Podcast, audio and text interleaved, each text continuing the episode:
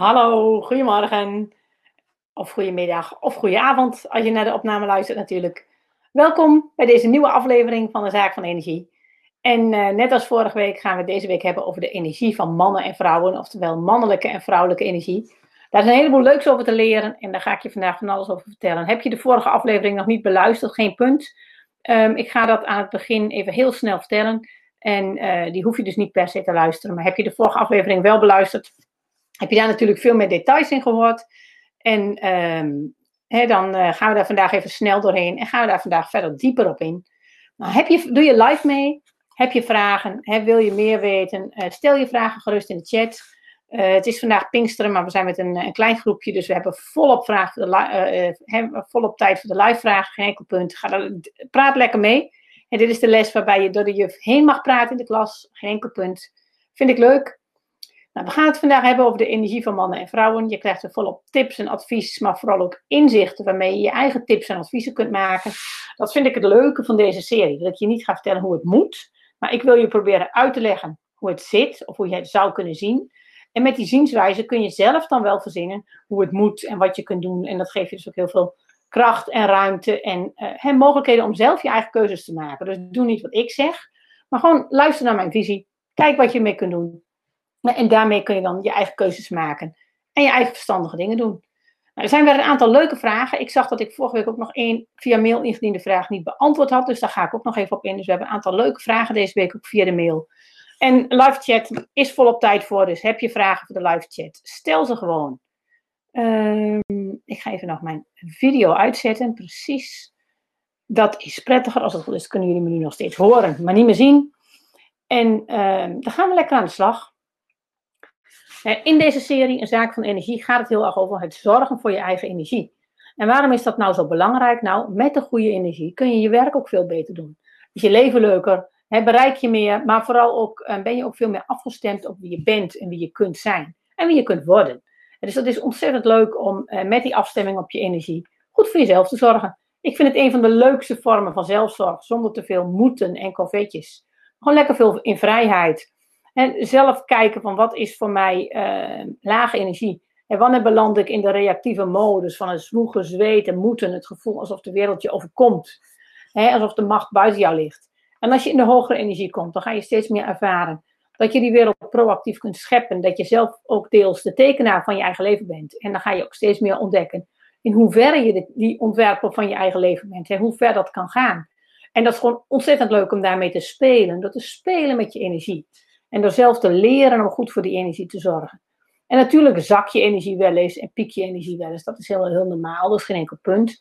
En, maar wat leuk is als je hier beter in wordt, is dat je ook meer gaat eh, beseffen dat je gewoon ontzettend veel grip hebt op die energie. En dat het ook gewoon leuk is, dat je veel vaker energie kunt voelen.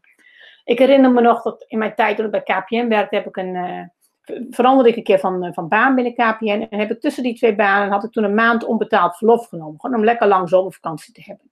Ik had toen ook een, uh, mijn oudste was nog jong, jong zoontje. Vond het ook heerlijk om ook genoeg vrije tijd voor hem te hebben. Dus met die maand onbetaald verlof had ik ook nog volop vakantiedagen voor de rest van het jaar. Dat ik voor hem kon zorgen. Dat ik eens een vrije dag kon nemen. Dus die maand onbetaald verlof heb ik gebruikt om een extra lange zomervakantie te houden. Niet twee, drie weken, maar gewoon eens vijf weken vrij. En uh, het leuke was toen ik weer terugkwam op kantoor, toen voelde ik me zo energiek. Want ik was in die weken vakantie geweest, maar ook gewoon een aantal weken rustig thuis geweest, zonder dat ik heel veel moest. dus ik was bruin, ik was, had veel bewogen, veel gewandeld door de stad. En ik kwam heel actief weer op kantoor. En die, ik weet nog hoe ik me toen die eerste werkdagen voelde. Ik voelde me zo bruisend en borrelend van de energie. En niet stuiterend, maar gewoon lekker, energiek, fijn.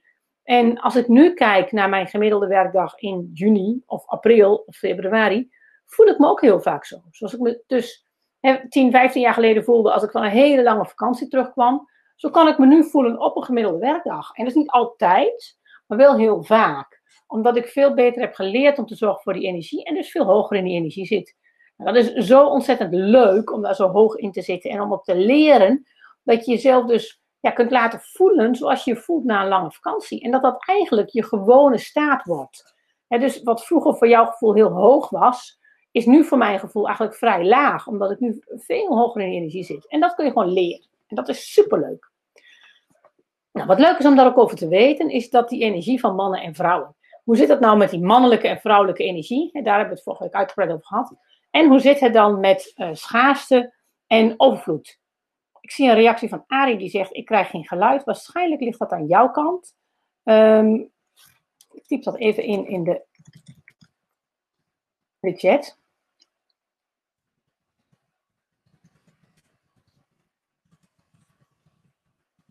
Jij ziet natuurlijk niet dat ik op jou reageer.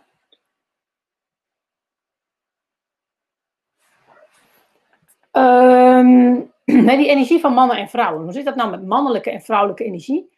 Eh, daar zijn wat misverstanden over in onze maatschappij. Daar kun je een heleboel leuks over leren. En daar hebben we de vorige week over gehad. over die mannelijke energie die wat meer stoer is, competitief, presteren, buitenwereldgericht. En vrouwelijke energie is vaak, hè, wat, vaak meer het beeld bij van sierlijk, elegant, mooi. En als je die twee tegenover elkaar zet, dan heb je de klassieke tegenstelling. Oftewel de klassieke misvatting hè, van de stoere Rambo versus de lieve Barbie. En mannelijk versus vrouwelijk. Maar we hebben vorige week ook gezien dat dit eigenlijk een, eh, een misvatting is om op deze manier naar mannelijke en vrouwelijke energie te kijken. Want je kunt er ook op een andere manier naar kijken, namelijk op deze manier. En je kunt laag of hoog in de mannelijke energie zitten. En je kunt laag en hoog in de vrouwelijke energie zitten. Um, dus dat is. Um, dat, ik zie dat Jantine ook geen geluid krijgt. Vreemd. Volgens mij hebben de anderen wel geluid. Uh, ik zal het voor de zekerheid even vragen.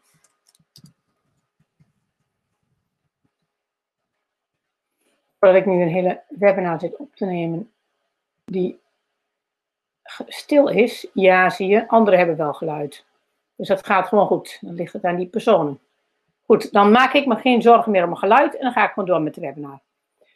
En zoals je dus um, klassieke misvatting over die mannelijke en vrouwelijke energie is, dus je bent of mannelijk of vrouwelijk. En als je dus meer vrouwelijk bent, gaat dat dan ten koste van je mannelijkheid. Terwijl in dit plaatje is het dus zo dat je meer vrouwelijk kunt zijn en meer mannelijk kunt blijven. En dus dan kom je in een kwadrant waar je zowel hoog mannelijk als hoog vrouwelijk bent. En we hebben vorige week gezegd van wat, uh, wat zit daar dan? In dat hoog mannelijk, hoog vrouwelijk zit bijvoorbeeld de wijze leider. He, de, zoals een Nelson Mandela die met geweldloosheid um, een heel belangrijke rol in zijn land heeft vervuld en een sterke leider is geworden. En uh, bijvoorbeeld een andere is Angela Merkel in Duitsland, hè, een, uh, die als een zorgzame moeder, maar ook als een sterke leider voor haar, goed voor haar land zorgt. Hè, of een ander beeld is de, stoere vrouw, hè, of de zorgzame man, de aanhankelijke man, de soldaat die afscheid neemt op de kade van zijn hondje. En uiteindelijk hebben we gezegd, hè, waar het hier om gaat in dat kwadrant, is de dans tussen mannelijke en vrouwelijke eigenschappen. Hè, de prins en de prinses die zich samen verenigen en daarmee regeren over hun rijk. Dus um, dit is een eerste heel belangrijk inzicht. Ja, een belangrijk inzicht is dat um, je hebt Barbie en je hebt Rambo. Dat is, Barbie is eigenlijk hoog vrouwelijk, laag mannelijk. Rambo is hoog mannelijk, laag vrouwelijk. Dat is een heel simpel beeld. En veel subtieler is eigenlijk als je die twee tegenstellingen gaat combineren en mixen en matchen. En wat ook interessant is, is om te weten, is dat um, die beide energieën kun je dan ook zien in schaarste en in overvloed. Het is zowel mannelijke als vrouwelijke energie heeft zijn schaarste en zijn overvloed. Nou, en dan wordt het uh, een heel interessant verhaal. Waar heel veel uh, levenswijsheid en menselijke wijsheid in zit. Waar je heel veel leuks over kunt leren. Um, daarbij maak ik een beetje gebruik van, een, van het verhaal van uh, Christopher Booker. Daar verwijs ik ook aan het einde naar zijn boek. heet The Seven Basic Plots. In zijn boek, het is een heel dik en ook wel moeilijk boek, beschrijft hij zeven basisverhalen die je heel veel in de literatuur tegenkomt. De komedie, de tragedie, de quest, de zoektocht, de reis van de held, uh, verslaat monster. Uh, het lelijke eentje hè, van, van uh, naar miljonair. Dat is een verhaal wat je in de marketing heel veel tegenkomt. Vroeger was ik ook ongelukkig en arm en zat ik in de schulden. En nu heb ik een, een miljonairsbedrijf en kan ik jou leren hoe. Zo'n zo plot wat je tegenkomt. In zijn boek gaat het over zeven basisplots. Maar hij gaat het ook heel erg hebben over archetypes en energie. En in zijn boek onderscheidt hij ook mannelijke en vrouwelijke energie. En wat hij daarbij aangeeft is mannelijke energie, die is vaak gericht op, op kracht, hè, op lichaam, op fysieke kracht. En op orde, op het verstand, op de ratio, dingen uh, begrijpen, dingen beredeneren. En de vrouwelijke energie, die zet hij daarnaast, zegt hij, dat is de energie van het gevoel, het inleven, het hart. en het intuïtief begrip, de ziel. En ehm, die energieën uh, trekt hij dan ook uit elkaar en hij laat ook zien hoe dat in verhalen heel veel gebeurt. Als je dus kijkt naar schaarste en overvloed, hij geeft aan bijvoorbeeld die, uh, die mannelijke energie in, in overvloed. En dan gaat het over een, een, man die fysiek krachtig is, die zijn vijanden kan verslaan in een gevecht. In een verhaal of in een film komt dat dus ook niet voor niets zo vaak voor. In een film zie je heel vaak mannen die fysiek een vijand verslaan. Nou, dat heeft er dus mee te maken dat je eigenlijk het, het archetype mannelijke energie laat daar zien dat die fysiek krachtig is. Een soort van um, um, dat hij fysiek krachtig is. En dat, dat um, die fysieke kracht, dat hij dat beheerst. Daarnaast is de positieve mannelijke energie is ook mentaal sterk. Een man weet dan de verleiding te weerstaan, heeft zelfdiscipline. En ga maar eens opletten hoe vaak je dat ook ziet in uh, films en in boeken. En dat de held op een gegeven moment uh, zelfdiscipline ontwikkelt. En vaak zie je ook, daar komen we straks ook op in een verhaal, is de held in het begin nog niet sterk, heeft hij nog een probleem of een uitdaging. En die gaat dan zijn fysieke kracht en zijn mentale sterkte ontwikkelen. En typisch positieve mannelijke energie in overvloed is gevoel voor orde. En sociale orde, discipline, patronen en logica, dingen kunnen organiseren, regelen, leiderschap. Dit zijn typisch dingen van de mannelijke energie in overvloed, in sterkte, in kracht. Maar die mannelijke energie kan ook in schaarste zitten, in tekort, in uh, de schaduwkant. En dan heb je typisch bijvoorbeeld over zwakte en chaos, chaotisch, geen discipline, richtingsloos, doelloos. of bijvoorbeeld uh, de boze koning, de machtswellust, de tiran die zijn volk onderdrukt. De tiran die hard en inflexibel is, of heel egocentrisch. En wat je ziet bij die, uh, die mannelijke energie in overvloed is ook dat dat zijn die kwaliteiten, fysiek sterk, mentaal sterk en het gevoel voor orde, worden ook ingezet ten dienste van een ander. de, de krachtige man die wil een ander bevrijden. De niet zo krachtige man die wil zelf uh, de, de heerser over het rijk worden, maar die niet zo krachtige schaarste energie, die uh, gaat dan steeds verder ontsporen. Het begint met een klein beetje ontsporen en dat wordt steeds heftiger en steeds erger. En zo'n uh, klein beetje foute leider ontwikkelt zich dan tot ontzettende machtswellust of een tiran. en, um, en, dit zie je natuurlijk in heel veel verhalen en ook in werkelijkheid zie je dat heel veel voorkomt. dus dit zijn mooie voorbeelden uit zijn boek over mannelijke energie in overvloed en mannelijke energie in schaarste. Bij vrouwelijke energie heb je het over een hele andere energie. Dan hebben we het niet over dat kracht en die orde, maar dan hebben we het over hart en ziel, gevoel, intuïtief begrip. En die heb je ook in overvloed en schaarste. Als je kijkt naar vrouwelijke energie in overvloed, dat, is, hè, dat gaat over bijvoorbeeld. De, mannelijke energie is de ratio, het nadenken. Vrouwelijke energie is dan het begrip, de wijsheid. Het is ook Um, bij de oude Grieken zag je al vaak dat de godin van de wijsheid, dat was een godin. En die ziet het geheel, die heeft overzicht, die, die ziet ook een uitweg uit een probleem. in het, uh, bijvoorbeeld de, de, de, ja, Griekse, het Griekse godenverhaal, waar de, de held verstrikt raakt uh, in het labyrint. Daar zorgt de vrouwelijke energie, de vrouw geeft hem een draad mee, zodat hij de weg uit het labyrint kan vinden.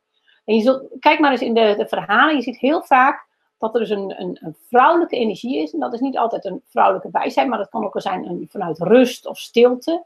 Dat er inzicht ontstaat. Dus inzicht is die, die vrouwelijke wijsheid vanuit overvloed.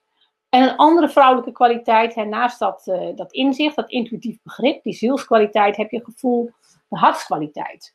En dat is de verbinding met anderen. Het voelen, het invoelen, de zachtheid, het medeleven, compassie ook dat is heel nadrukkelijk een vrouwelijke kwaliteit vanuit overvloed. Maar ook die vrouwelijke kwaliteiten kunnen in schaarste zitten. En dan heb je bijvoorbeeld in sprookjes over de boze stiefmoeder, de heks. de, degene die uh, manipuleert, die van anderen afpakt. Die een plek in het gezin opeist. de boze stiefmoeder die ze niet heeft. En dat ook met, met haat en uh, geweld en uh, niet liefdevol doet. Een ander voorbeeld van de negatieve vrouwelijke energie is de slechte verleidster de, de, zeg maar de, de, de, vrouw die je verleidt, maar niet echt een verbinding met de, de, met de man aan wil gaan, maar verleidt voor eigen genot of voor eigen doel of voor manipulatie. Een andere interessante van de negatieve vrouwelijke energie, dit is dus als het ware een, uh, voor eigen gewin, is dit een slechte negatieve vrouwelijke energie. Een ander voorbeeld is de assenpoester.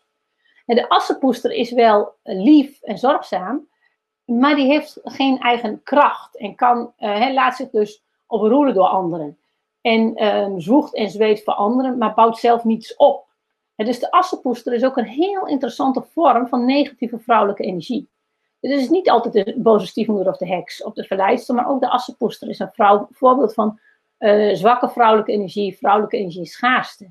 Hè, um, lief zijn, zwoegen, zweten, heel erg hè, onderdanig zijn naar anderen, maar je hebt je plek in, in het leven, in het gezin ook laten afpakken door de boze stiefmoeder en de boze uh, stiefzussen. En een ander voorbeeld van negatieve vrouwelijke energie is bijvoorbeeld de Sleeping Beauty. He, de Dora Roosje, he, uh, de, de, de, de, schone slaapster. Het is um, in slaap vallen, als het ware verlamd zijn. Um, het koninkrijk overwoekert. Het koninkrijk is ook niet meer zichtbaar. Het kasteel is overwoekerd door bloemen en door stekelige dorens, met rozen met stekelige dorens. En waardoor het ook niet meer zichtbaar is, omdat de schoonheid ligt te slapen. En um, het is dus ook een heel interessant voorbeeld van vrouwelijke energie, die ontspoord is, die in schaarste zit, die niet krachtig is. En ik ben benieuwd, en nu jullie dit zo uh, lezen, of jullie, als je live meedoet, um, zie je zelf voorbeelden van vrouwelijke of mannelijke energie in schaarste. En dat je zegt van, hé, hey, dat, is dat er ook eentje? Of hoe zit dat? Als je daar voorbeelden van ziet, um, uh, praat lekker mee in de chat, dien ze in. Ik ben benieuwd naar jullie visie hierop. als je nou kijkt naar die mannelijke energie, vanuit kracht, hè, op lichaam gericht of vanuit orde, verstand. En die vrouwelijke energie, van, hè, dat, die hartsenergie, het gevoel of dat, dat hè, intuïtief begrip vanuit de ziel. Dan kun je heel duidelijk zien dat er dus zowel bij mannen als bij vrouwen is er um, een zwakte, schaarste of vanuit overvloed. Hè. En dan wordt die energie, diezelfde krachtige energie, wordt dus ook heel verschillend ingezet. Hè. En die mannelijke kracht in overvloed, hè, die, die redt iemand, die verslaat het monster. Um, terwijl die mannelijke energie in schaarste, die wordt hard en inflexibel. Die uh, is machtswellust, is een tiran. Dat is de, de, het huis, huis, huiselijk geweld. De vader die zijn vrouw en kinderen slaat. Het is ook heel dichtbij gebeurt dat. Mentaal sterk, die mannelijke energie, die weet verleiding te weerstaan, zelfdiscipline. Maar in, die, als die mentale kracht in uh, schaarste wordt ingezet, dan is dat bijvoorbeeld ook een vorm van haast um, autistisch je zin willen doordrijven of autistisch vasthouden aan schema's, aan orde, aan structuur, en aan doelen. Je doelen moeten halen en er niet meer mee kunnen variëren. He, bijvoorbeeld de vader die ook op vakantie nog aan het werk is en uh, zijn fysieke en mentale kracht wil inzetten uh, voor de, zijn zaak, en maar zich niet kan verbinden met zijn naasten.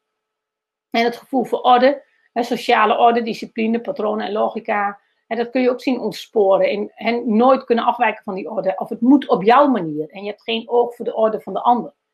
Terwijl als je dat. Um, en je ziet dus heel duidelijk van ja, die, mannelijke en vrouwelijke energieën die zijn heel verschillend. Maar je hebt ze allebei in schaarste en overvloed. En de een is ook niet beter dan de ander. Nou, ik kwam zelf vorige week nog een heel mooi voorbeeld tegen van een positieve mannelijke energie. Um, toen heel toevallig, uh, mijn man zat een cricketblad te lezen. Dat lag bij ons op tafel. En uh, dat ging over Ryan ten Doesgaten, een Zuid-Afrikaan die ook een Nederlands paspoort heeft, ook voor het nationale Nederlandse cricketteam speelt. En um, in het artikel ging een stukje over de apartheid en discriminatie in Zuid-Afrika en het Zuid-Afrikaanse cricket. En wat goed is om te weten, is dat er inmiddels een quotum is. Hè. Het Zuid-Afrikaanse team moet met een bepaald aantal uh, donkere mannen in het team spelen. Dat is verplicht gesteld. Nou, daar is nu veel ophef, was wat ophef over. ook van ja, zo, als we op die manier moeten spelen, dan zijn we niet sterk genoeg en dan winnen we nooit meer een, een prijs.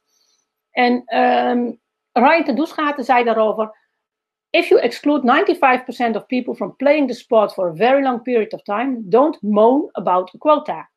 oftewel, als jij 95% van de mensen in je land uitsluit van de sport voor een hele lange periode, en dat was zo, cricket was een witte sport, en dan moet je niet piepen als je nu een quotum krijgt. Hij zei ook van, um, if South Africa don't win a World Cup for the next 20 years, then it's a small price to pay for putting things right. oftewel, als Zuid-Afrika geen Wereldcup wint in de komende 20 jaren, dan is dat een kleine prijs die wij betalen om dingen recht te krijgen. En wat hij daarbij ook zei, it's probably not this generation's problem, but is this generation's responsibility to sort it out. oftewel, het is niet het probleem, het is misschien niet het probleem dat deze generatie heeft gecreëerd, maar het is wel iets wat onze generatie moet oplossen. Nou, ik vond dit een fantastisch voorbeeld van positief mannelijk leiderschap. En je ziet dus ook dat hij um, verantwoordelijkheid neemt voor een probleem in zijn land, in zijn sport. En hij ziet ook wel van, ja, ik heb dat niet veroorzaakt, maar hij gaat daar niet over typen en klagen en niet reactief zijn. Maar hij ziet zichzelf dus als de ontwerper. Hij zegt van, ja, weet je, wij moeten er verantwoordelijkheid van nemen om dit probleem op te lossen. Dat is aan ons. Nou, ik vind een fantastisch voorbeeld van mannelijk leiderschap. En dan zie je dus ook als mannelijk leiderschap, dat is helemaal niet altijd dat je als een Nelson Mandela of een Angela Merkel moet regeren over je land. En dat kan ook in het klein, dat kan in jouw sport, en dat kan op het cricketveld. En dat kan in een interview, in een tijdschrift, in een gesprek. Kun je dat leiderschap op je nemen en die verantwoordelijkheid laten zien. Fantastisch voorbeeld van positief mannelijk leiderschap. Toen wilde ik natuurlijk ook op zoek naar een voorbeeld van wat minder krachtig mannelijk leiderschap. En ja, die is gauw gevonden. je bladert eens even door de tijdlijn op Twitter van de president van de Verenigde Staten. En dan zie je dit soort berichten. Sleepy Joe, can, Sleepy Joe cannot bring us greatness. He's the reason I'm here. ja, weet je, dat gaat over, volgens mij ging dit over een, eh, ja, oh, Joe Biden. Ehm, weet je, als je het dan hebt over Sleepy Joe, Joe hè, over andere mensen, dat is gewoon zo disrespectvol. En dan zeggen, hè, hij is de reden dat ik hier ben. Ja, dat is gewoon niet mannelijk en krachtig leiderschap. Hè, en um, hier uh, was ook een berichtje. Uh, volgens mij was de gouverneur van Alabama. Alabama can, trust, can and does trust me, as do conservatives across the, across the country. Perhaps you've forgotten. They trusted me when I stepped out and put that trust on the line for you. Um, mijn staat Alabama kan me vertrouwen. Mensen vertrouwen mij. En ze vertrouwden me ook toen ik het voor jou opnam en uh, je steunde. En de president reageert dan met: Jeff, you had your chance and you blew it. Je hebt een kans gehad en je hebt het gewoon verknald. Je hebt me nooit over een probleem uh, verteld. You ran to the hills en je vluchtte. You had no courage, je hebt geen dapperheid en je hebt heel veel levens geruineerd. Ja, weet je, als je op zo'n manier publiekelijk je mensen afvalt. Ik vind dit een heel sterk voorbeeld van negatief mannelijk leiderschap. absoluut uh, in deze hoek. En je ziet het ook allemaal. Het is chaotisch, uh, richtingsloos, weinig discipline. Niet even nadenken of inhouden, maar gewoon spuien. Uh, inflexibel, ook heel erg egocentrisch. Hè. Ik ben de held, ik weet het allemaal. Dus ja, als je dan ziet hoe uh, de president van de Verenigde Staten reageert, vergeleken met een cricketer, en die de verantwoordelijkheid neemt voor zijn land en de problemen in zijn land, ja, dan zijn dat gewoon twee hele duidelijke voorbeelden van leiderschap. En dan is ik vind het ook een heel mooi voorbeeld van hoe mannelijke energie dus niet goed of slecht is. De energie is neutraal. Het gaat erom of jij die energie in schaarste of in overvloed neerzet. En als je die mannelijke energie neerzet in overvloed, dan kun je ook als cricketer een hele krachtige leider zijn. En hele goede dingen hè, bespreekbaar maken. En je daar hard voor maken. En dat laten zien. Hè, trouwens, in hetzelfde interview vertelde Ryan ten Doesgaten ook dat hij uh, niet langer uh, uh, captain wil zijn van zijn team en een stapje terug wil doen. En niet van um, ik ben mooi geweest of ik ben goed of ik. Nee, hij wilde anderen die plek gunnen. Hij wilde meer tijd hebben voor zijn gezin.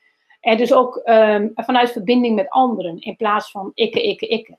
En dat zie je heel vaak bij die um, mannelijke en ook vrouwelijke energie in overvloed. Als je in die overvloedsenergie zit, zit dan ben je wijze koning. He, die ook verbinding heeft met anderen, die regeert vanuit zijn hart. En in schaarste zie je dan bijvoorbeeld de verwende prins. Het verwende prinsje dat denkt dat hij overal recht op heeft. Dat kan ook ontaarden in de brute veroveraar.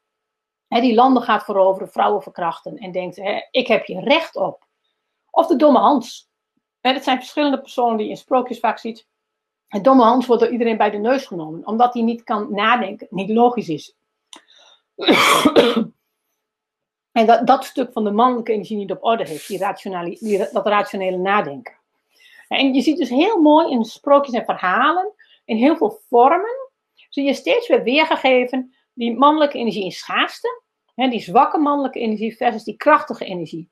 En je ziet ook heel vaak in de mooie verhalen de hoofdpersoon een groei doormaken, van schaarste naar overvloed. En dan zie je in het begin is de held nog wat richtingsloos en weifelend en aarzelend. En op een gegeven moment wordt die held krachtiger en wijzer en verstandiger.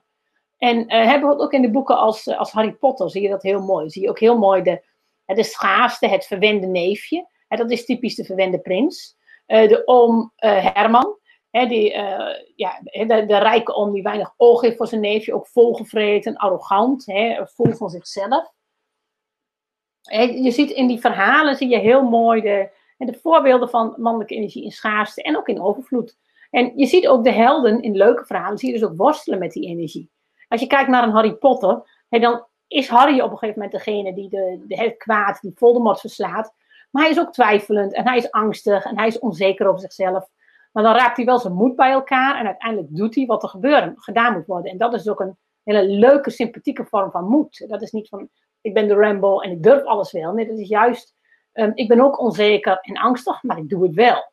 en um, wat je ook, het grote verschil bijvoorbeeld tussen een, een Harry en een, een Martha Villain, Voldemort, is dat je ziet dat Harry um, altijd de verbinding met anderen opzoekt en probeert te behouden. En hij heeft wel eens ruzie met Ron. Hè, en hij, zijn vrienden zijn niet altijd met hem verbonden, maar uiteindelijk zoekt hij wel weer die verbinding op. En doet hij het ook samen met anderen die hem ook steunen. In plaats van dat hij zich steeds verder isoleert en steeds egocentrischer wordt. En dat zijn natuurlijk ook hele mooie lessen die je voor jezelf hieruit kunt halen. want opnieuw, dit gaat uiteindelijk niet om Trump of Ryan ten Doeschaten. Het gaat niet om die cricketer of die domme president. Het gaat erom, wanneer ben jij die domme president? En wanneer schuif jij de schuld af op anderen? En wanneer probeer jij, ben jij de, de tiran die gevoelloos is? En wanneer ben jij de verantwoordelijke cricketer die verantwoording opneemt voor de misstanden in zijn eigen omgeving, die hij misschien niet heeft gecreëerd, maar die hij wel kan oplossen. kortom, kijk vooral naar, laat de sprookjes een inspiratie zijn om te kijken naar je eigen leven en om je eigen bewustzijn te verruimen, zodat jij in je eigen leven nog meer gaat zien. Wanneer ben ik die verwende prins? of die brute veroveraar? Of die domme Hans? En wanneer kan ik die wijze koning zijn? En welke struggles zijn daarvoor nodig om daarin te groeien? En dan zijn ook boeken als hè, kinderboeken als Harry Potter of bijvoorbeeld Koning van Katoren van Jan Terlouw, is ook zo'n fantastisch boek. Dat ook laat zien hoe die held uh, worstelt met de problemen en hoe die held zich daar doorheen slaat en hoe die held dan uiteindelijk hè, uh, het koninkrijk krijgt. En uh, de wijze koning wordt. Dus als we weer kijken naar die mannelijke energie in overvloed, dus bijvoorbeeld hè, competitief lekker werken voor een doel, maar in schaarste wordt het bijvoorbeeld vals spelen om te winnen. Ehm, een beetje doen alsof. in, in, die mannelijke energie en overvloed, die, is die kracht, die kracht die je inzet of vol voor gaan. Maar die, mannelijke energie in schaarste is bijvoorbeeld anderen de schuld geven. Het is niet mijn schuld, het ligt niet aan mij. Uh, hij doet het fout. He, mannelijke energie in overvloed, dat is logisch nadenken, reflecteren, dingen uitdenken. Maar in schaarste wordt het bijvoorbeeld de bedweter zijn. He, steeds je gelijk willen halen, drammen over je gelijk. In plaats van je breinkracht inzetten om anderen te helpen. Um, mannelijke energie in overvloed is verantwoordelijkheid nemen. um, ik heb dit probleem niet gecreëerd, maar ik los het wel op. En uh, mannelijke energie in schaarste is bijvoorbeeld anderen de schuld geven. Het is niet mijn schuld. jij bent de sukkel. Maar tegelijkertijd is mannelijke energie in schaarste ook afpakken wat niet van hem is. Uh, je iets toe-eigenen wat niet van jou is. Iets willen veroveren. En dan doen alsof je daar wel recht op hebt. Dat is enorme schaarste energie. En het is, het is heel belangrijk om deze energieën niet in anderen, maar in jezelf te gaan herkennen. En wanneer ben ik eigenlijk aan het vals spelen? Wanneer geef ik anderen de schuld? En wanneer schuif ik de verantwoordelijkheid van me af? En wanneer ben ik een bedweter of aan het drammen? Of denk ik dat ik alles beter weet? En wanneer pak ik iets af wat eigenlijk niet voor mij is? Dat kan zijn uh, spullen, maar dat kan ook zijn eer of het gelijk. Of, terwijl als je naar die overvloedsenergie schuift, dan wordt die mannelijke energie is lekker krachtig. Die kun je inzetten om voor een doel te werken, om er vol voor te gaan. En dan kun je logisch nadenken, reflecteren, een plan maken, uh, verbanden zien, ordenen, structureren en verantwoordelijkheid nemen. En hetzelfde geldt voor de vrouwelijke energie. En die vrouwelijke energie in overvloed, dat is de wijze koningin. Hè, die vanuit haar hart regeert. En die haar hart inzet om, zo, niet alleen op haar hartslevel, maar ook in haar hoofd. Hè, die vanuit haar hart, die een hartsverbinding heeft met haar hoofd. En die dus ook uh, verstandig uh, en compassievol regeert. En die ook haar hart op haar keel heeft, dus vanuit haar hart spreekt. Die bijvoorbeeld niet roddelt over anderen, maar goede dingen over anderen vertelt. Die anderen de credits geeft. En die koningin heeft ook haar hart in haar buik.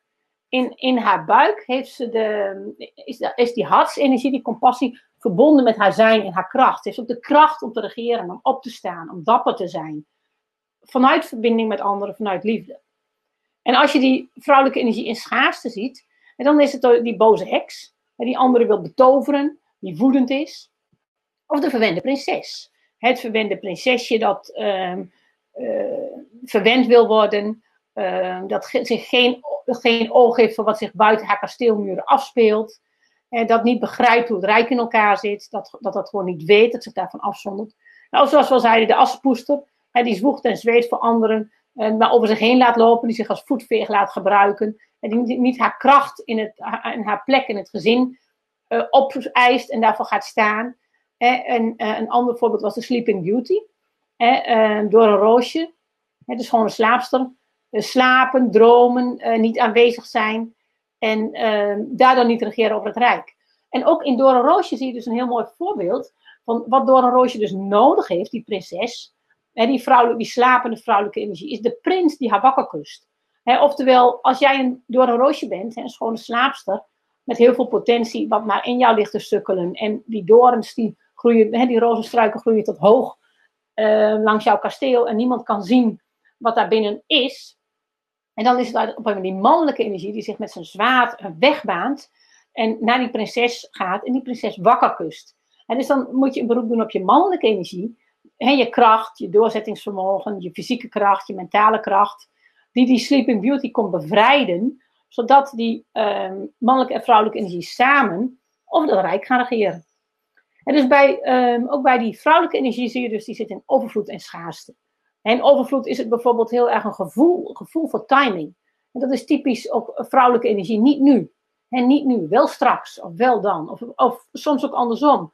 En dan, um, ik merk dat heel erg als ik met mijn tuintje werk. Dan heb ik al hele tijd van, ah, ik moet dat een keer doen, ik moet dat een keer doen, ik moet dat een keer doen. En in één keer voel ik, nee, ik moet het nu doen. En um, soms heb ik ook het gevoel, ik moet dat nu of morgen doen, maar niet bij eind van de week. Dat is te laat. En in het begin vond ik dat heel raar. dacht hoe komt dat nou op een dagje? Totdat ik bijvoorbeeld de, um, ja, hoe heet dat? De, zo'n natuurlijke zaaikalender ontdekte. Van het, uit uh, biodynamische landbouw. En die hield heel erg rekening met de maanstanden. En volgens de maanstanden moet je op bepaalde momenten wel of niet zaaien of oogsten. En bepaalde dingen aan je gewassen doen. En ik merkte toen heel vaak dat mijn gevoel voor timing precies uh, correspondeerde met die kalender. als ik dan dacht van nou, ik doe maar even niks. Dan waren dat ook dagen om even niks te doen. En als ik zin had om iets te doen, dan klopte dat ook. En het grappige is, dat hangt ook heel vaak samen met dagen op de uh, christelijke kalender. Bijvoorbeeld rond Pasen. En de dagen rond Pasen zijn hele specifieke dagen waarop je uh, bepaalde dingen in je tuin inderdaad uh, beter niet kunt doen. Dat is heel grappig. En vanuit mijn ratio dacht ik dan van ja, ik ben lui en ik heb ze zitten uitstellen, maar mijn gevoel was heel duidelijk niet nu. Dus dat is die vrouwelijke wijsheid, die ook verbonden is met het al. En vanuit dat al en die energie van het al, kan die vrouwelijke energie dingen oppikken die weet dingen. En als je dan in die vrouwelijke overvloedsenergie zit, dan weet jij ook die dingen. Zonder dat je dus zo'n zaaikalender soms hoeft te raadplegen of erbij hoeft te hebben. Want dat vertelt je, uh, je intuïtie vertelt je dat dan wel. Maar die vrouwelijke energie in overvloed, die durft ook te ontvangen. Die kent haar waarde. Dat, dat is geen assenpoester die over zich heen laat lopen. Die, die neemt haar plek in. Dat is een koningin die zit ook op de troon. En die deelt ook wat ze ontvangt uit. En die deelt haar overvloed met anderen. Um, maar die durft ook te ontvangen. Die neemt ook haar overvloed aan. En ze voelt wat passend is. En ze voelt in wat, uh, wat klopt en wat passend is. En ze kiest het goede vanuit die vrouwelijke overvloedsenergie. En die negatieve vrouwelijke energie, dat is veel meer passief, reactief. Zeuren, klagen, verwijten. Eh, heeft nooit genoeg. Manipulerend om te krijgen wat ze wil. Kan ook heel erg zielig doen. Ach, arme ik. Maar niet um, omdat ze compassie wil, maar ja, omdat ze compassie wil, omdat ze daarmee iets van jou wil. Heel manipulerend, zielig doen. En heel vaak gebeurt dit ook op een onbewust niveau. En mensen die in die schaarste zitten, zijn zich daar vaak helemaal niet van bewust. Dat maakt het zo lastig. En grenzeloosheid wil steeds meer, heeft nooit genoeg. de, de, de, koningin die meer en meer schoenen wil, meer en meer juwelen, meer en meer. Terwijl de, de vrouwelijke energie in overvloed, die wil ook mooi zijn en stralen en er goed uitzien. Maar die heeft genoeg. En die weet wat genoeg is. En uh, die vrouwelijke energie in schaarste is ook de boze heks. Die misbruikt haar intuïtie voor zichzelf, haar eigen status, aanzien en rijkdom. Die doet anderen ook kwaad met haar magie. En de boze heks is de anderen betoveren. En uh, negatieve energie over anderen uitstorten. En voor de boze heks is niets is goed genoeg. En de negatieve vrouwelijke energie. Het is echt die grenzeloosheid. En ook hier zie je dus weer het gaat dus niet over het, uh, of vrouwelijke of mannelijke energie beter is. Het gaat om die overvloed en schaarste. En dat bepaalt hoe je die vrouwelijke en mannelijke energie inzet. En wat we in dat eerste plaatje ook al zagen. Het zijn dus twee verschillende energieën. Dat mannelijke en dat vrouwelijke. Maar beide energieën kun je dus in schaarste en in overvloed inzetten.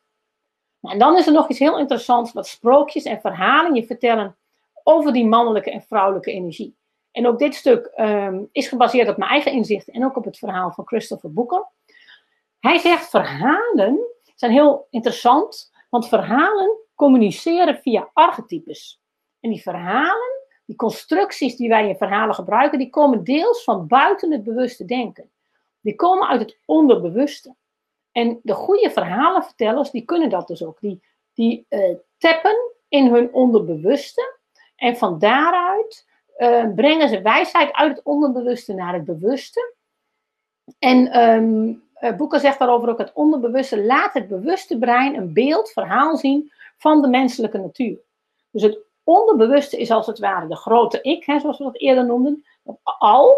En dat al, dat kunnen we met ons bewuste brein, met ons, onze ratio, onze kleine ik, nooit of niet helemaal begrijpen. Ik zal niet zeggen nooit, maar in ieder geval nu nog niet, op het algemeen niet helemaal begrijpen. En een manier om de wereld beter te begrijpen is meten, onderzoek doen, foto's maken, filmen, uh, scanners. En dat is een, een, bepaalde manier om de werkelijkheid waar te nemen, de fysieke werkelijkheid. Maar een andere manier om onze werkelijkheid waar te nemen is door in de vorm van verhalen. Omdat die verhalen communiceren met archetypes. En archetypes zijn ook een soort van beelden in ons onderbewuste. Kunnen we ook daarmee wijsheid over hoe de wereld in elkaar zit naar boven brengen. En de goede verhalenvertellers die doen dat. En een verhaal is dan dus veel meer dan een verzinsel. Ik merk dat zelf ook als ik zit te schrijven. Dat kan ik op twee manieren doen. Als ik mijn boeken schrijf, als ik over Orlando schrijf. En over Anne en, uh, Anna en Joris en David en alle personages. Wat ik dan steeds weer merk als ik schrijf, is, uh, ik kan er rationeel over schrijven. Dan verzin ik een thema en dan werk ik dat uit en dan ga ik dat uitschrijven. Maar dan blijft het heel leeg en zieloos. Terwijl mijn beste schrijven ontstaat juist als ik het niet al te veel uitwerk, maar gewoon ga zitten en zin voor zin ga schrijven. En dan ontstaat er iets, dan gaat er iets door me heen stromen. En dat zijn vaak de meest levendige en leuke stukken in mijn boeken.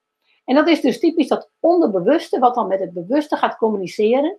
En soms heb ik ook zelfs het gevoel dat mijn vingers dan het boek schrijven. Dat mijn hoofd, zeker mijn, mijn kritische denken, staat dan op een waakvlammetje. Dat doet haast niet mee. En het is meer, veel meer een stroom van inspiratie die door me heen gaat. En uh, die dan het boek schrijft. En ik, een heleboel creatieve mensen kennen dit. Hè? Mensen die uh, andere creatieve dingen doen, hebben dit ook. En die herkennen dat. Dat is die, die flow die je dan hebt, die connectie met het al. Uh, van waaruit jouw schepping ontstaat. En van waaruit je dus ook creëert en schept en maakt. Christopher Boeker zegt daar ook nog een paar leuke dingen over. Hij zegt, die kleine ik, die is dus echt egocentrisch. Hè? Die ziet de wereld beperkt. Hij zegt ook, dat, dat is typisch iets menselijks. Wij hebben een ego-bewustzijn, een ikje. En dat heeft zich afgesplitst van het grote geheel, van het grote ik. En bij veel dieren denken wij dat dat niet is gebeurd. Dat weten we natuurlijk niet zeker, maar dat denken wij. En um, Boeker is hierover heel expliciet. Hij zegt: het doel van het leven is heel worden. Alles zien wat het echt is. En bevrijd zijn van die verstoringen van kleine ik. En die kleine ik, die kijkt vanuit zijn eigen perspectief en zijn eigen brillen en zijn eigen filters. En die ziet de wereld maar heel beperkt. Terwijl grote ik, en dat al, daar kunnen we ook mee communiceren. Maar dat, dat is een andere vorm. En dat gaat ook niet altijd door, via de rationele taal. En dat gaat op een andere manier. En hij zegt daarover verhalen. Leer ons hoe je dat doet. En verhalen zijn niks anders dan een device. Um, wat ons leert hoe de echte wereld in elkaar zit en hoe die echte wereld functioneert. En wat hij dan in zijn boeken aangeeft, wat daar heel interessant is, wat er dus steeds gebeurt in de boeken, dat gaat altijd over het integreren van het mannelijke en het vrouwelijke en die beide energieën in jezelf. En zo, dat is feitelijk waar al die verhalen van prinsen en prinsessen over gaan. Dat zijn allemaal voorbeelden die ons vertellen hoe je die mannelijke en vrouwelijke energie integreert in jezelf en hoe die samengaan. En bijvoorbeeld in verhalen, als je kijkt naar die mannelijke energie, dan ontwikkelt de held zich in zijn mannelijkheid, in zijn kracht in orde, maar wel in balans met vrouwelijkheid. En dus um, in balans met connectie en verbinding, met voelen, met intuïtief inzicht en weten, met wijsheid. En dat wordt in verhalen weergegeven doordat de prins vaak de hulp van een liefdevolle vrouw nodig heeft om te slagen op zijn tocht. De prins, de held. De prins is ook het archetype van de nog niet volwassen mannelijke energie. En dat is de jongensachtige mannelijke energie die nog moet leren en ontwikkelen. Daarom gaan zoveel verhalen dus ook over jonge mensen. En dat is als het ware het archetype wat we communiceren, is dan het is de nog niet het, nog niet het complete mens. Het is het jonge mens wat nog aan het groeien en ontwikkelen is. En juist door die integratie van, die held is dan zijn mannelijke eigenschappen aan het ontwikkelen. Hij is zijn kracht, zijn verstand. En die integreert dat met de vrouwelijke wijsheid en het invoelen en het hart. En alleen zo gaat die held zich verbonden voelen met het grote geheel en ervaart hij de heelheid. En dat zie je ook vanuit die vrouwelijke energie. Die heldin ontwikkelt haar vrouwelijkheid, connectie, verbinding, voelen, intuïtief inzicht en weten, wijsheid. Maar ook weer in balans met de mannelijkheid. En met kracht en sterkte, met verstand. Dus die, die schone slaapster die heeft de kracht van een prins nodig om te ontwaken. En want eh, zonder die prins is die schone slaapster, die vrouwelijke energie, verstopt in dat kasteel achter die hoge dorens. En ehm, ja, is dat niet een krachtig koninkrijk? En zo kan die prinses dus ook veranderen van prinses, hè, dus ook de, de, jonge vrouw, de nog niet volgroeide vrouw, in een koningin. En de koningin is de wijze, heer, de wijze, wijze heerseres over het rijk. Dus ook hier zie je in die verhalen als het ware het archetype van zo zit, zit dat in elkaar en zo kun je gaan groeien als persoon. En als je dan die mannelijke en vrouwelijke energie combineert, of niet combineert, dan zie je dus ook in die verhalen, gaat het altijd mis als één van die twee kanten wordt onderdrukt. En in onze maatschappij is dat vaak het vrouwelijke, het invoelende intuïtie. Dan gaat het mis. Als de man alleen maar op kracht en ratio wil regeren, dan lukt dat niet. De, de held heeft altijd een heldin nodig, om, om die, dat laat het onderbewust ons zien. Het mannelijk heeft altijd het vrouwelijke nodig om die beide kanten in zichzelf te ontwikkelen. Het gaat mis als je op één kant steunt. Eh, alleen de, de man, alleen de vrouw, de Sleeping Beauty, dan red je het niet.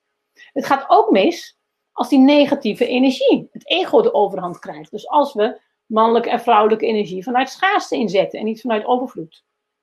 En dan, dat zie je ook in de verhalen, dan gaat het mis. En ehm, het gaat zeker mis als um, je te veel vanuit ego werkt. Als je dus op jezelf gericht bent en jezelf wil verrijken. En alleen maar denkt als ikke, ikke, ikke. Maar wanneer krijg je nou de happy ending? Het happy ending in het verhaal, dat is de samenkomst van de held en de heldin. En er is een samensmelten van kracht, verstand, gevoel en begrip. Maar ook vaak om anderen ten dienste te zijn. De held en heldin doen het niet voor zichzelf. Maar ze doen het om een rijk te bevrijden, om het lijden van anderen op te heffen. Om een monster te verslaan waar een ander last van heeft, waar, een dorp of een gemeenschap last van heeft. Dat is wat de held of heldin doet. Die doen dat om anderen te helpen. En daardoor ontvangt de held, eh, heldin uiteindelijk een schat of een prijs aan het eind van het verhaal. En dan eindigen ze altijd met ze leefde nog lang en gelukkig. En wat ze dan doen, is dat ze dan regeren over een rijk van overvloed. met orde, wijsheid, begrip, gevoel. al die kwaliteiten worden ingezet, zodat de held nog lang en gelukkig leeft. Nou, dit is natuurlijk leuk in sprookjes, maar eigenlijk is het dus een metafoor voor jouw leven. Eigenlijk is dit gewoon een recept van hoe word ik gelukkig. En hoe leef ik een lang en gelukkig leven in rijkdom en overvloed? Hoe word ik de, de, heerser over mijn rijk? dus um, het recept is, het gaat mis als je een van je twee kanten onderdrukt. En je hebt dus zowel de mannelijke kracht en ratio als de vrouwelijke intuïtie en het gevoel nodig. Het gaat ook mis als je vanuit ego gaat werken. Als je niet werkt vanuit overvloed en anderen wil helpen. Als, je, als het te veel om jezelf gaat. Maar het gaat ook mis als je de assenpoester bent. Hè, als je op jezelf laat lopen. Dus dat is een hele delicate balans, laten de verhalen ons zien. Nou, doe je die dingen goed, dan verander je naar de wijze. En wat doet de wijze? De wijze die focust op de positieve, hogere energie. En die, maar die kent ook zijn eigen valkuilen en lage energie. En die gaat daar effectief mee om. Die, die overwint die valkuilen, die overwint die monsters. En de monsters in de sprookjes zijn dus ook vaak niks anders dan de schaduwen van je eigen binnenwereld. Die moet je overwinnen. En die wijze is sterk en zorgzaam. Die combineert die mannelijke en vrouwelijke energie. En die is een goede leider. Voor zichzelf en anderen. En dan zie je dus ook dit gebeuren. Het samensmelten van het mannelijke en het vrouwelijke. En door het samensmelten ontstaat dus het geheel. En dat geheel, die koning en koningin, en niet langer de prins en prinses, die kunnen regeren over het grote rijk. Dus kortom, moraal van het verhaal, wat leren al die sprookjes ons? Die vertellen, ga op reis van de held. Hè. Ga die reis maken. En um, overwin je uitdagingen. Maak je schaduw bewust.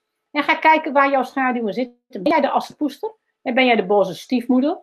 Uh, ben je de boze stiefzus soms? Ben je de, de, de, de, de Donald Trump, hè, de domme heerser, die toch iets te veel uh, dommigheid eruit flapt en emotioneel reageert en, uh, en zichzelf dingen doet eigenlijk die niet van hem is. Hè. Ga, je, ga die schaduwkant opzoeken. Ga die schaduwkant bekijken. En uh, ga de strijd aan met die draken. Hè, die, die, en de strijd aan, vaak is het ook het overwinnen. Als je die draak aankijkt, dan kan die draak ook je vriend worden. En um, combineer die koning en koningin in jezelf. Hè, die mannelijke en vrouwelijke energie. Dat is geen tegenstelling. Dus een combinatie, kunnen elkaar versterken.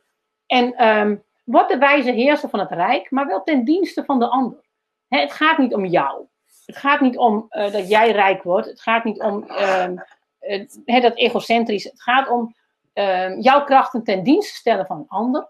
Juist daardoor ga je eh, veel leren, je veel ontwikkelen. En het mooie is, doordat je ten dienste stelt van een ander, bereik je jouw rijk van overvloed. Dat ga je bereiken op deze manier. Door hè, deze reis te gaan maken, die reis van de held. En die held ben je zelf. En het is ontzettend leuk om te gaan bedenken dat eigenlijk alle sprookjes gaan over jou. En al die personages in die sprookjes, hè, die domme Hans, die boze stiefmoeder, die assenpoester, die heb jij in je. En het gaat erom dat jij die personages in jezelf gaat herkennen en overwinnen. En um, even terug naar het thema van, uh, van, van deze webinarserie, van deze twee afleveringen. En we begonnen bij die klassieke misvatting. Het gaat dus niet om mannelijk of vrouwelijk. je hoeft niet uh, meer Barbie te worden en dan word je niet minder Rambo. Nee, het gaat juist om die combinatie van die twee energieën. Het gaat om die combinatie van hoog mannelijke energie, hoog vrouwelijke energie, maar dan ook in overvloed. En dat je die beide energieën inzet vanuit hun krachtige component, hun positieve kant, ten dienste van anderen. En als je ze dan gaat mixen en mengen, die mannelijke en vrouwelijke energie, vanuit overvloed, vanuit positiviteit, dan bereik je die heelheid. En dat zie je heel mooi in dat plaatje van yin en yang. En dan zie je heel mooi samen dat die tegenstellingen, die worden in zo'n plaatje gecombineerd. Maar wat je ook altijd ziet, is, hè, ik heb het hier in roze-blauw gemaakt in plaats van in zwart-wit, is dat de essentie van het blauwe mannelijke is het roze, het vrouwelijke. En de essentie van het vrouwelijke is het mannelijke. In de essentie, hè, daar zit die kracht weer. En je ziet ook dat je, je kunt als vrouw, kun je niet zacht en invoelend zijn als je niet ook heel krachtig bent en een hele duidelijke kern hebt. En als man hè, kun je niet krachtig en logisch zijn als je niet ook die wijsheid hebt van het invoelen en niet die connectie met de ander kunt voelen. En als je niet die, uh, die, die harts- en zielskwaliteit kunt inzetten, dan kun je ook niet krachtig zijn. En ik vind dat dat uh, yin en yang plaatje laat dat heel mooi zien. Hè? Die twee tegenstellingen die zijn samen één geheel. En dat ene geheel, dat bereik je niet vanuit, nooit vanuit één tegenstelling. Dat, daar, daarvoor moet je die beide tegenstellingen in jezelf integreren. En dan ervaar je zelf ook dat in de kern van het vrouwelijke zit een heel krachtig mannelijke energie. En in de kern van het mannelijke zit een hele krachtige vrouwelijke energie. Het yin-yang plaatje, dat is een heel mooi plaatje. En wat je wat wij in het Westen niet zo weten, is dat in dit plaatje zit ook nog een derde laag. Dat is die cirkel eromheen. Die cirkel om yin-yang heen, dat is het boebai. En dat is het geheel, het al. En dat al bestaat dus uit die twee tegenstellingen. Maar als je die twee tegenstellingen weer integreert, ontstaat dus ook weer dat geheel. Dat scheppende geheel, waarin alle tegenstellingen eigenlijk verenigd zijn en bewegen en gecombineerd worden. En als je dat doet vanuit die hoge energie, ja, dan is het gewoon ontzettend leuk en krachtig. En dan kun je op allerlei manieren de wijze leider worden in je eigen leven. Een prachtig koninkrijk gaan neerzetten voor jezelf, in jouw werk, in jouw leven. En dan maakt het ook helemaal niet meer zoveel uit wat je doet. En dan hoef je helemaal niet carrière te maken en president van een land te worden. Dan kun je ook als cricketer in een land een hele belangrijke inbreng hebben. Of als huismoeder, of als, hè, verzin het maar wat jouw werk is. En wat jij wil neerzetten. Maar waar het er vooral ook om gaat, is dat jij zelf die twee energieën vanuit overvloed gaat neerzetten. En dat je bewust wordt um, waar jouw overvloedsenergie zit en, hoe je, zit en hoe je die goed kunt gaan inzetten. Voor jezelf en voor anderen. Nou, dat was het voor vandaag. Dat was het, uh, het vertellende deel voor vandaag. De energieke media tips zijn um, twee verhalen, twee boeken die hierbij horen. Ik, ik had het al over de Seven Basic Plots van Christopher Boeker. En daarnaast een ander leuk boek is Hoe de heks in de oven verdween. Er moet niet staan over, maar over. Uh, dat is van Lisette het Hoofd en nog iemand, een andere auteur. Ik heb het boekje staan, dus ik wandel heel even naar de boekenkast toe. Oh ja, dat is Lisette het Hoofd en Mieke Bouma. Die hebben samen het boek geschreven Waarom de heks in de oven verdween. En dat is een heel erg leuk boek. Dat vertelt je ontzettend de kracht van sprookjes. En de archetypes die daarachter zitten. En de wijsheden achter sprookjes. Dus het past ook heel erg bij het, uh, het verhalende deel van vandaag. Nou, dan hebben we nog een aantal hele leuke vragen van jullie. Ehm, heb je nog vragen over dit stuk, mannelijke, vrouwelijke energie, en doe je live mee? Stel ze gerust. Eh, voel je niet bezwaard, wil je meer weten, stel die vragen gerust. Ik ga ondertussen vast naar de vragen in de e-mail en uh, wil je daarop reageren, is dat natuurlijk ook prima. Um, ik heb een leuke vraag van vorige week nog van Cornelie. Cornelie zei, als vrouw voel ik mij dienend en zorgend voor anderen. Maar hoe ga ik om met mijn neiging om medelijden te hebben met klanten die vanwege corona niet of weinig kunnen betalen en wel mijn steun nodig hebben? Juist om met die gevolgen om te kunnen gaan van corona. Mooie vraag, Cornelie. En die past heel erg in het thema van deze week. Want vanuit jouw vrouwelijke energie voel je medelijden. Hè, je voelt je dienend en zorgend. Maar het is een beetje vanuit schaarste neergezet. Want medelijden betekent een beetje dat jij denkt dat die ander waarmee jij werkt niet krachtig is. En jij denkt dat die ander jou niet kan betalen. En jij denkt dat die ander jouw steun nodig heeft. Dat is een beetje denken vanuit schaarste. En die ander maakt je namelijk krachtig. Of uh, maak je namelijk een beetje uh, weinig krachtig. Uh, zwak. En dan doe je alsof die ander jouw kracht nodig heeft. Als je hier vanuit overvloed naar kijkt, dan zeg je van nou, die ander is niet. Hè, dan heb je geen medelijden met de ander, dan heb je compassie voor het lijden van de ander. Maar dan zie je ook de kracht van de ander. En de mogelijkheden die die ander heeft om daar zelf uit te komen. En om stappen te zetten. En een van de mogelijkheden die de ander heeft, is om het geld bij elkaar te krijgen om jou te betalen. En die kracht heeft een ander. Ik heb zelf op dit moment, uh, werk ik samen met een, een, hele leuke cliënt die ik coach, één op één coaching, drie maanden. En zij heeft ook niet veel geld. Ze heeft ook niet, eigenlijk niet het geld om mij te betalen. Net wel, net niet. Heel krap. Maar ze heeft voor zichzelf, uh, als ze al lang in haar hoofd van ja, ik wil ooit met Ellen werken. En ze zei van ja, nu wil ik die stap zetten. Als ik dat nu niet doe, komt het er nooit van. Ik wil gewoon meer maken van mijn eigen bedrijf.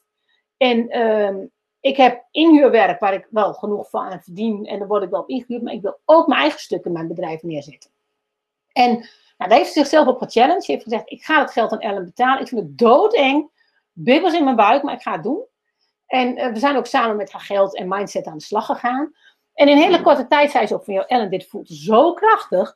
Ik voel nu al wat het met me doet, dat ik die stap heb gezet om in jou te investeren. En um, zij had dus ook een aantal cliënten die haar niet konden betalen. Die het traject graag wilden geven, of voor minder geld. Of, um, en toen hebben we het hierover gehad. Toen zei ze, ja nee, dit klopt niet. Ik voel dat ik in schaarste energie ga zitten. Ik ga denken uh, over de portemonnee van mijn cliënten. En daar mag ik helemaal niet in zitten. Het is niet jouw zaak om in de portemonnee van je cliënten te zitten. ook niet qua energie.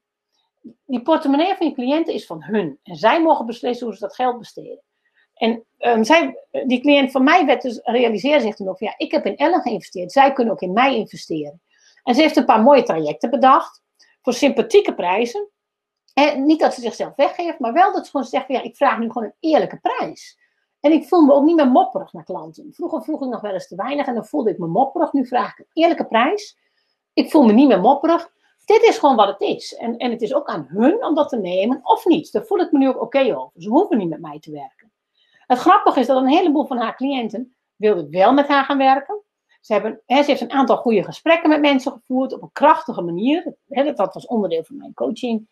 En vanuit die krachtige gesprekken kon ze op een krachtige manier met die mensen gaan werken. En kon ze ook, um, gingen die mensen ook weer op een krachtige manier haar betalen. En het grappige was dat haar cliënten ook weer op een andere manier naar hun eigen cliënten met geld aan de slag gingen. Dus eh, wij werken nu een poosje samen, een maand of twee. En je ziet, in die twee maanden heeft mijn cliënt dus een slag gemaakt met haar geld. Heeft ze die slag, die kracht doorgegeven aan haar cliënten. En geven haar cliënten dat nu ook alweer door. Dus we hadden vorige week een gesprek en zei, nou Ellen, het is zo bijzonder hoe, nu, hoe ik nu zie dat als er cirkels om mij heen overal het geldgedrag begint te veranderen. En dus, um, Cornelie, voor jouw geld, hè, je voelt je dienend en zorgend voor anderen, dat is heel goed. Maar pas op dat jij jouw dienend en zorgendheid vanuit overvloed doet. Je hebt veel te geven, dat doe je vanuit kracht. Die anderen hoeven niet met jou te werken en jij hoeft ze niet te redden. Uh, maar je hebt wel kracht en je hebt wijsheid tot je beschikking. En die kracht en wijsheid, daar mogen zij gebruik van maken. Als ze dat willen.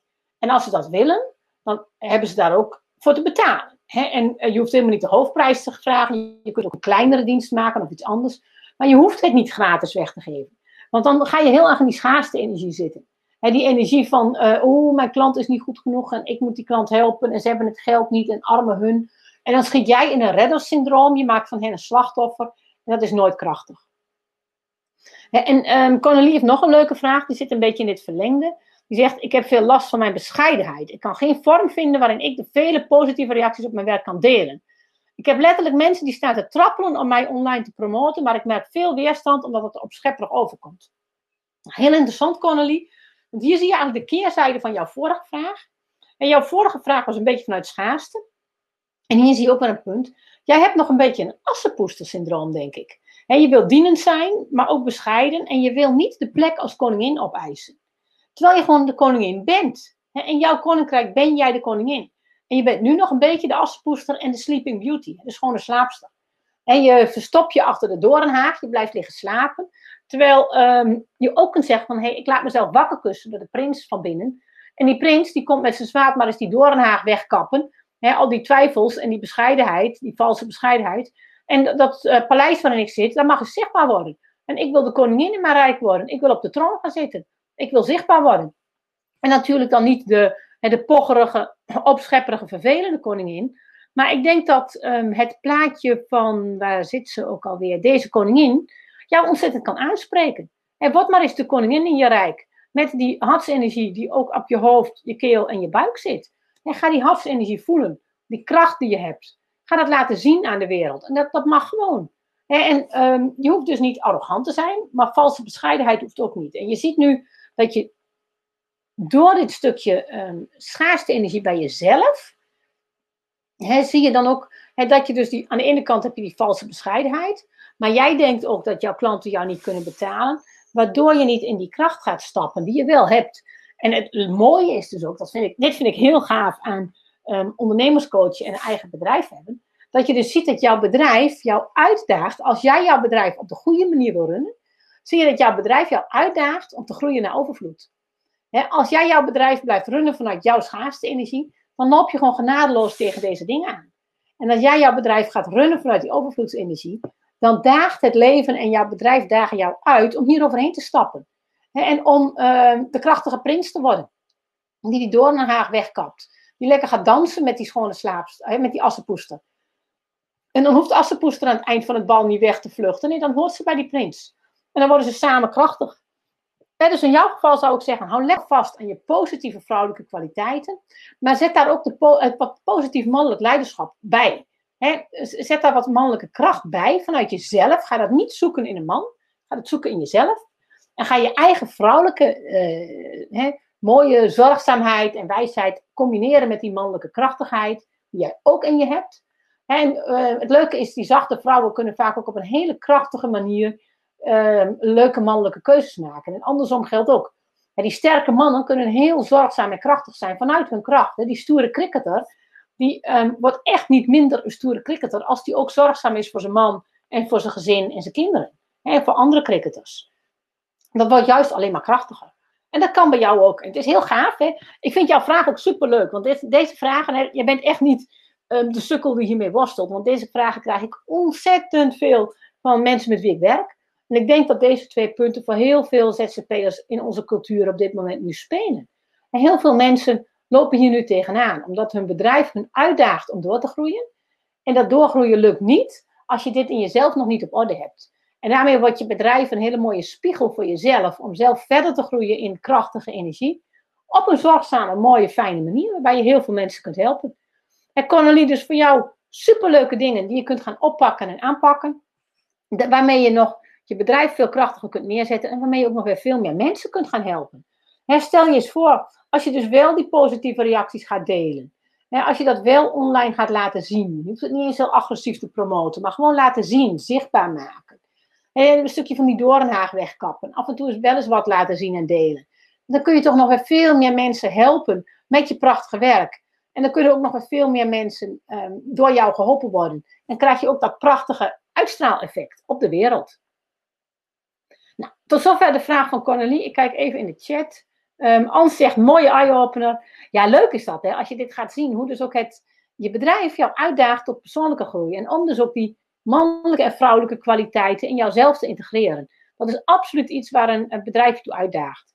En je ziet dat ook bij, bij mannelijke ondernemers. Hè. Die worden ook uitgedaagd om goed voor hun team en hun bedrijf te zorgen, hun medewerkers, hun klanten. En dus je ziet bij mannelijke ondernemers die echt groot willen worden, zie je vaak enorm de uitdaging ook om die verzorgende kant te ontwikkelen. En om juist die beide kanten in jezelf te integreren. En om als het ware die wijze koning en koningin te zijn. En die, die twee energieën krachtig samen neer te zetten in je eigen leven. Nou, we gaan naar de vraag van uh, Florien. Die zei, um, ik wil je bedanken, complimenteren met deze fijne webserie. Helemaal leuk. Ze zegt van, nou helaas kan ik nooit op maandagochtend, maar ik luister ze trouw terug in de avonden. En um, omdat ik nog volop bezig ben met alle actiepunten vanuit je aflevering over geld en boek, pauzeer ik even. Ze zegt, misschien ben ik niet de enige en dan zie je een dip in je kijkersaantallen. Nou, dat hopen we natuurlijk niet, maar uh, wie weet. Maar het is ook leuk om te zien dat je dus zo druk bent met alles over het boek, over geld en acties. Um, nou, nou, is het wel zo, ik vind dat deze webinarserie is niet zo heel erg gericht op acties en doen, maar vooral ook op inzicht. Dus ook al heb je niet alles beluisterd, haak gewoon aan, blijf meedoen. Want die inzichten helpen je ook al heel veel met groeien en veranderen. Ze zegt, door alle actiepunten rondom geld kom ik iets tegen wat ik al vaker in mijn leven heb ervaren. En volgens mij met energie te maken heeft. Als ik een groeistap zet, bijvoorbeeld deze week toen ik een opdracht maakte en op, op uit je boek, lijkt ik daarna wel terug te vallen. Nadat ik een inzicht heb gehad, in dit geval over mijn geldlekken, verval ik in een soort zelfsabotage. Vluchten in bank hangen, te laat naar bed. En ik zit vervolgens dus in de lage energie. Waaruit ik natuurlijk niet aan de slag ga met mijn nieuwe inzicht. Mijn vraag is, hoe voorkom ik dit? Ik hoop dat je deze vraag kunt beantwoorden. Mag ook in de webserie. Nou, hele leuke vraag. Um, kijk, dit is eigenlijk iets wat heel vaak gebeurt. Wat er namelijk gebeurt is dat je een, uh, een inzicht hebt. je ziet een groeistap. En uh, je zet een groeistap, je krijgt inzichten. En door die inzichten ga je ook meer zien wat er misgaat. En jij wordt je op dit moment veel meer bewust van je lage energie. Doordat je zo trouw luistert en meedoet. En dan ga je het ook meer zien. En um, wat je dan krijgt is dat je als het ware, vroeger was je onbewust onbekwaam. En je, je wist niet wat je niet wist en niet verkeerd deed. En nu word je bewust onbekwaam. Je gaat nu bewust zien dat je zakt in je energie. Dat is een heel vervelend moment. Maar als je doorgaat, dan ga je straks bewust bekwaam worden. Je gaat dus bewust niet met bank hangen en bewust eventjes iets anders doen in de avonden. En dat kost in het begin heel veel moeite. Je stap van bewust onbekwaam naar bewust bekwaam is heel lastig, want je moet heel veel oefenen en je valt steeds weer terug. En soms wil je gewoon terug naar vroeger, was je onbewust onbekwaam, je wist lekker van niks, geen gedoe. Maar dat kan niet meer. Je gaat nu door naar bewust bekwaam, dat kost veel moeite en energie. En op een gegeven moment word je onbewust bekwaam. Dan merk je, hé, ik heb daar al drie weken niet meer aan gedacht. Of drie weken geen moeite meer mee gehad. Het gaat gewoon vanzelf. Wat jij beschrijft, die zelfsabotage, dat is niet altijd zelfsabotage. Het is ook deels dat je nu veel meer gaat zien uh, wanneer je in lage energie zakt. En je zegt dan van, nou, hoe kan ik dat voorkomen? Ja, het antwoord daarop is eigenlijk heel eenvoudig. Dat hoef je niet te voorkomen. Want dat gebeurt gewoon. Wat je kunt doen, is dat je het bewust doet. Dus als je vlucht in bank hangen, geef niet dat je op de bank hangt. Als je dan maar kijkt nadat je op de bank hangt. dus um, je hoeft niet jezelf te forceren van ik mag dit niet, ik moet wat anders. Je zegt, oh wat interessant. Kijk, mij eens op de bank hangen. Goh, wat voel ik me lamlendig. Jeetje, dan heb ik toch weer vier afleveringen van eh, Netflix zitten kijken. Jee, wat ben ik aan het bank hangen vanavond. Goh, wat interessant. En wat voel ik me lamlendig. dus je hoeft het niet te veranderen. Maar blijf er naar kijken. Blijf het bewust waarnemen. En het interessante is namelijk als je bewust blijft waarnemen en bewust blijft voelen hoe je in die lage energie zit. En je voelt de resultaten van die lage energie. En je voelt de volgende ochtend die prikkerige oogjes en uh, die, dat duffe hoofd. En hoef je dus ook niet wilskracht op te zetten.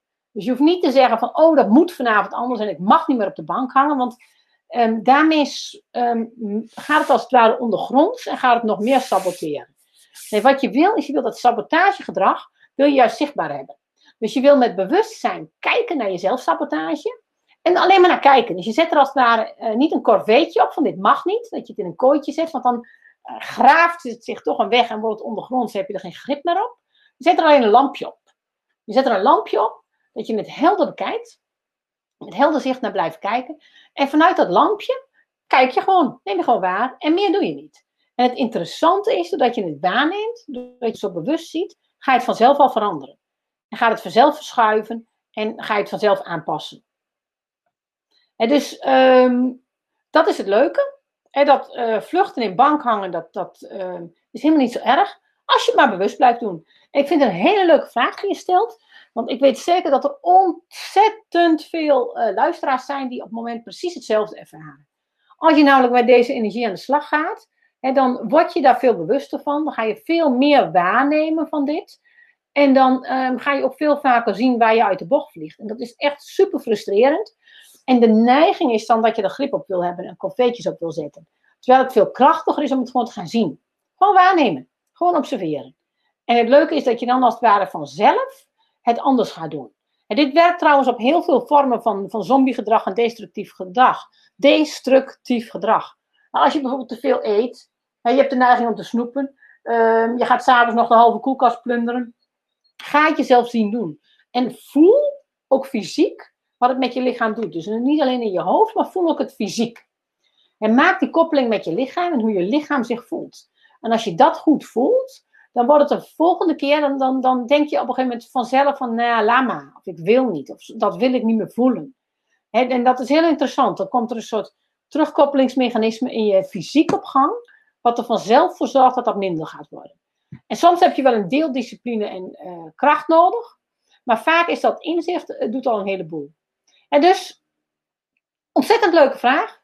die zelfsabotage, uh, probeer het niet te voorkomen, maar probeer het voorlopig maar eens gewoon te zien. En ook de patronen te doorgronden. Wat zit er dan achter? He, wat kan ik nog meer zien? Niet vanuit denken en verhalen, maar vanuit zien, zien, zien.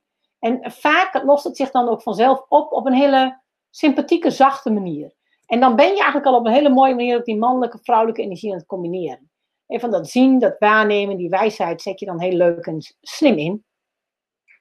Gisteravond nog een leuke vraag binnen van uh, Marieke. Marieke zei uh, kwart over negen, ze zegt van, nou, ik luister met veel plezier naar je serie. Ik heb een vraag over hoe ik met een bepaalde situatie om kan gaan. Het is inmiddels na acht uur, misschien voor de volgende keer, maar ik zag hem gisteravond en hij gaat lekker nog mee, want het is een leuke vraag. Ze zegt, dit is ook iets wat veel mensen herkennen, denk ik. Ik herken hem zelf in elk geval wel. Ze zegt, als iemand vanuit schaarste opereert en ik moet met diegene om inhoudelijke redenen samenwerken, hoe zorg ik dan dat ik vanuit overvloed blijf opereren? Dat ik niet laat trekken in de schaarste energie? Ja, dat is een goede vraag. Dat ga je in het begin ook vaak merken. Als je dat verschil gaat zien tussen schaarste en overvloed, dan ga je de schaarste energie van anderen zien. En dan word je daar een beetje in meegetrokken. Maar dat hoeft niet. En ze zegt van, nou, ik heb een mannelijke collega waarvan ik het gevoel heb dat hij vanuit schaarste informatie niet deelt. Ik heb geprobeerd om samen te werken, maar steeds komt het initiatief vanuit mij. En als ik het bespreekbaar maak, lijkt het zo langzaam heen te gaan. Hij zoekt niet zelf de samenwerking, stemt niet af. Binnenkort hebben we een gesprek met andere collega's en ik merk dat ik de neiging heb om daar vanuit schaarste in te gaan. Hoe steek ik dit gesprek zo in dat we vanuit mijn kant de insteek overvloed is? En hoe voorkom ik dat ik zelf vanuit irritatie zorg dat we in schaarste komen? Wat ik lastig vind, is dat ik het plan dat hij nu uiteindelijk gedeeld heeft, kwalitatief niet goed vind. Mag ik vanuit overvloed ook kritisch zijn? Hoe doe ik dat? Ik heb een neiging om me af te wenden, eromheen te gaan. Maar dat werkt uiteindelijk ook niet en voelt niet goed, want dan doe ik eigenlijk hetzelfde. Nou, hele mooie vraag, Marieke, en ook heel mooi beschreven hoe dit inderdaad werkt. Als je zelf wat meer naar die overvloed schuift, anderen om je heen zit in schaarste, dan voel je die spagaat. Wat leuk is, um, je voelt die spagaat en je voelt die energie aan jou trekken. Wat leuk is, is ga niet aan die energie van de ander trekken, maar hou jouw positie. Dat is heel leuk. Blijf ontspannen. Blijf in overvloed. En vaak helpt dat als je, bij mij ik kan dat vaak als ik een beetje laag in mijn buik zak met mijn aandacht, dan ben ik stevig aanwezig. En een soort van glimlachje om mijn mond. Een soort ontspannen glimlachje. En een, harts, een hartsverbinding. En een hartsverbinding is, uh, wat je helpt, is dat je denkt, die ander wil, wil uh, een succesvol project, net als ik. dat je dus iets gezamenlijks voor je ziet, wat die ander ook wil. Die ander wil graag respect in zijn werk, net als ik. En dat helpt mij om die hartsverbinding open te houden. Dus een beetje laag in je buik, jouw stevigheid, jouw plek. Dat zorgt ervoor dat je minder naar die ander meebeweegt. Dat je wel vanuit jouw krachtige overvloedsenergie blijft. Die hartsverbinding, dan hou je de verbinding. En dat glimlachje, dat zorgt voor een soort van ontspanning. Ik merk stevast als ik in die energie zit. En um, ik ga met uitdagende mensen om die in schaarste zitten. Um, dan voel ik me inderdaad eerst hun kant op getrokken. En dat doe ik dan niet. Ik blijf ontspannen in mijn energie staan. Maar ik trek niet aan hen. Ik hou mijn plek vast. En dan ontstaat er dus een spanning. Maar ik ga niet trekken, ik hou mijn plek vast. En wat er dan gebeurt, is dat de ander naar mij beweegt. En dan schiet de ander, zonder dat ik daar iets verder aan hoef te doen aan de ander, ik doe wat aan mezelf, glijdt die ander als het ware naar mijn overvloedskant. En het leuke is dan dat lastige mensen zelf met voorstellen komen, zelf problemen gaan oplossen, ehm, op een hele leuke manier wel gaan communiceren. Maar het, last, het leuke is dus uh, voor jou de tip: ga niet aan hem trekken. Probeer hem niet te veranderen, maar ga echt duizend procent van je aandacht in je eigen energie stoppen. Dat jij die plek houdt. En dat is heel leuk, wonderlijk toveren met energie, maar dan gaat die ander meebewegen. En wat ook nog helpt daarbij om die plek goed vast te houden van overvloed, is dat je voor je gaat zien wat voor jou een geweldige uitkomst zou zijn. Het is bijvoorbeeld in plaats van dat je nu zorgen maakt om dat overleg met die twee andere collega's, ga je daar niet zorgen over maken, maar je gaat fantaseren over hoe dat overleg ontzettend leuk zou kunnen zijn. Dus je gaat bijvoorbeeld voorstellen dat jullie met z'n vieren om tafel zitten en heel erg hard lachen. Of dat jullie naar de koffieautomaat wandelen met glunderende gezichten en dat, die, dat, dat, dat jullie elkaar op de schouders slaan van, goh, wat was dit leuk. Of jeetje, wat gaan we dit mooi aanpakken. En dat mag je ook wel een beetje overdrijven. Dat mag je in je overvloedsenergie best een beetje extra dik aanzetten. Ehm, en dan op een manier dat je niet zegt van nou zo gaat het worden, maar dat je zegt van hoe cool zou het zijn als. En dat vind ik een mooie zin. als je zegt hoe cool zou het zijn als, dat, uh, daarmee ontken je namelijk niet de werkelijkheid. Je zegt niet wij gaan een geweldig overleg hebben en wij zijn vrienden voor het leven. Want dat is op dit moment gewoon helemaal niet haalbaar. Dat lijkt niet haalbaar. Dan gaat kleine ik ontzettend sputteren. Je ratio gaat tekeer. Dat lukt je niet. Maar op het moment dat jij gaat zeggen, hoe cool zou het zijn als, dat is wel waar. En daar kan kleine ik ook mee bewegen. Die snapt dat ook. Denk, ja, het zou wel heel cool zijn als wij een leuk overleg hebben met veel lachen en achteraf uh, samen de schouders eronder. En dat helpt ook ontzettend. En wat je daarmee namelijk doet, is dat je op energieniveau een intentie voor het overleg neerzet. Niet alleen vanuit je hoofd en verstand, maar ook vanuit je energie. En die energie is ontzettend krachtig. En zeker als jij dan het hoe niet te veel gaat regelen, en maar gewoon die energie lekker neerzet, dan, ehm, dan gaat die energie dat vormen. En schiet me, ik raak even de draad kwijt, omdat ik tegelijkertijd een inzicht krijg, een inval. Dat moet je naar het hoe moet je ook niet te bescheiden houden. Het kan namelijk, als je op dit energielevel werkt, kun je soms letterlijk met lichtsnelheid werken kunnen dingen zich heel snel manifesteren. En als jij dan op het hoe-niveau al te veel hebt ingekaderd en uh, duidelijk gemaakt voor jezelf hoe het zou moeten, dan kan het energieniveau het niet op een nog leukere manier doen. En dan blokkeer je eigenlijk de energie. Dus uh, maak het maar vrolijk, maak het krachtig en laat het dan ook los. Laat het hoe echt los, zodat de energie dat hoe kan doen. En dan zul je zien, dan geldt die oude wet wel heel goed. Hè? Die wet van I have to take care of the energy, and the energy takes care of the rest. Het was een inval die ik ooit in Arizona in de woestijn zocht. Dus uh, ik wandelde rond het hotel waar een Amerikaanse coach zat, viel me deze zin in. You have to take care of the energy, and the energy will take care of the rest. Dat moet jij in dit geval ook doen. Jij moet voor de energie zorgen en de energie zorgt voor de rest. En, en natuurlijk moet je het gesprek wel een beetje voorbereiden. Hè, en um, dan mag je ook kritisch zijn. Hè, want um, kritisch, ja, kritiek is eigenlijk een beetje een schaarste woord.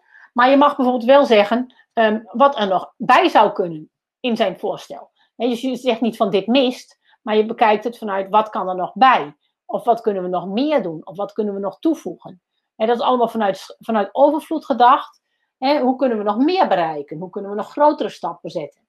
En je voelt wel eens allemaal vanuit die overvloedsenergie. Kijk je naar hoe kan dit nog beter? Hoe kunnen we samen meer bereiken? dus niet vanuit wat is er nog niet goed, maar wat, hoe kan het nog cooler? Nog beter, nog mooier. Nou, ik vind een hele leuke vraag van je, want dit is iets waar heel veel mensen mee zitten. Wat heel veel mensen, waar heel veel mensen tegenaan lopen. En uh, ik denk dat je op deze manier dus echt in die eigen energie te gaan zitten. En die sterke intentie neer te zetten van waar je naartoe wil op energieniveau en hoe dat voelt. Ja, dan gaan er hele mooie dingen gebeuren. Marieke zegt dank.